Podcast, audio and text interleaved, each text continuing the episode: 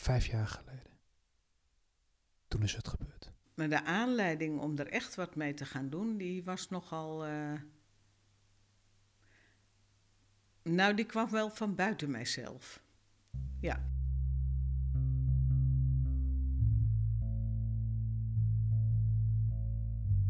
Nu zou ze echt gaan stoppen. Echt. Klinkt moeilijk? Dat was het ook. De stemming in een café. Het, ja, doe mij nog een bier. Heerlijk, heerlijk. De smaak van een mooie wijn. eh, maar ook al die verschillende speciaalbieren. Man. Dit is Nicole, 64 jaar. Ooit begonnen als logopedist en altijd in het onderwijs. Altijd in het speciaal onderwijs. Met speciale kinderen. Discipline in de klas, maar ook thuis. Ik mocht pas na vijf uur. En eh, door de week eh, twee wijntjes en dan bij het eten nog één. Dat is 5 x 3, is 15. In het weekend eh, twee wijntjes bij het eten één. En dan s'avonds bij het uitgaan natuurlijk gewoon bieren. Maar ik ging nooit eerder drinken of met, met dat. Ik, dat het was wel altijd een maat. Maar het was ook mateloos, zeker in het weekend. Hoe is dit zo gekomen? In elke jeugd zijn ook wel dingen. Ik heb bijvoorbeeld, ik denk toen ik twee was, zes weken in het ziekenhuis gelegen. En in die tijd mochten je ouders daar niet bij, zoals dat nu wel is. En dat, dat heeft toch wel iets gedaan.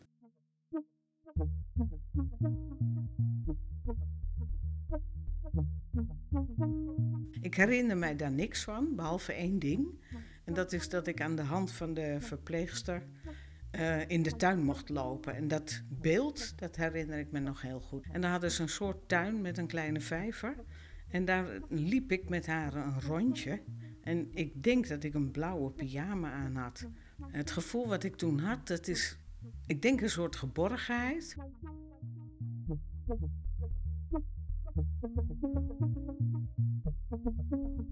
En mijn ouders hebben ook wel verteld dat ik eh, ja, enorm verdrietig was als zij weer weggingen. En voor een kind is er geen tijdsbesef nog. Hè? Dus duurt die situatie van verlaten worden eindeloos. Nou vertel ik dit alsof het over iemand anders gaat. En dat klopt ook, want ik weet niet meer hoe dat kind was. Maar er zijn wel in mijn latere leven dingen waarvan ik denk, oh, dat kan er wel mee te maken hebben. Ik, ik vind het lastig om me helemaal te geven in contacten met andere mensen.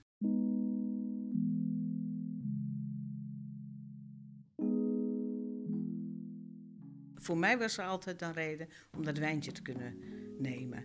Een dag hard gewerkt, nu heb ik het verdiend. Een hele goede dag gehad, mag ik het vieren. Maar in alles zit een verdovend aspect voor mij. Eh, om even uit te gaan, even uit de wereld, even bij mijn gevoel te kunnen komen.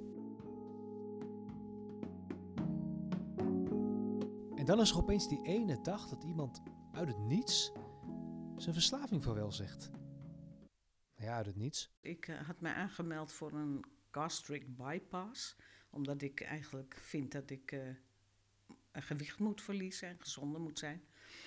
En dan ga je de molen in met intakes, gesprekken, onderzoeken. En daar zeiden ze op een gegeven moment: uh, U komt er niet voor in aanmerking, want u bent te afhankelijk van drank, van alcohol.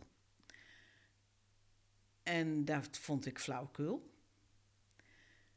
En toen heb ik op een gegeven moment gedacht: oké, als dat dan niet, dan ga ik wel naar een obesitaskliniek. En daar zeiden ze: Nou, we kunnen wel beginnen met gesprekken over een mogelijke eetstoornis. Maar eerst moet u iets doen aan uw alcoholgebruik. En zo langzamerhand drong tot mij door: ja, ik zit heel erg in de afhankelijkheid van alcohol. En daar ga ik nu wat aan doen.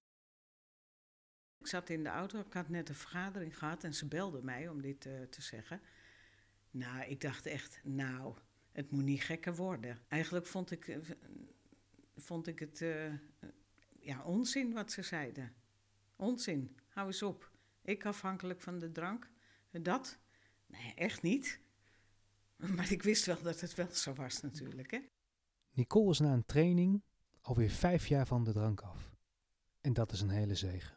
Ik heb nog een klein restafhankelijkheidje. En dat is eh, na het eten chocola eten of koekjes eten. En dat is nog steeds een moment van eh, even uit, even verdoven. Dus ik ben nog niet, het is me nog niet helemaal gelukt om eh, te ontspannen zonder iets.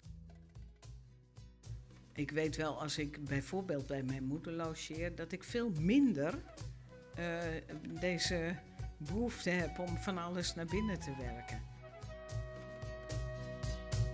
Las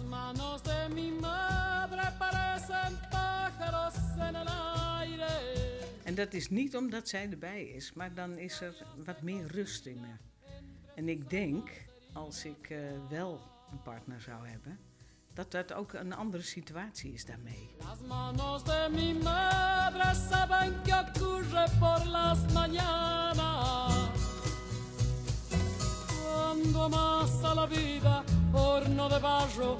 Pan.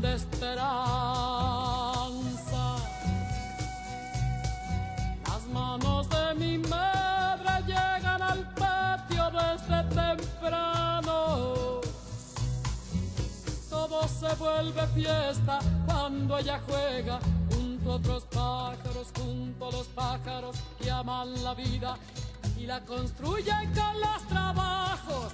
Arde la leña, harina y barro, lo cotidiano se vuelve más.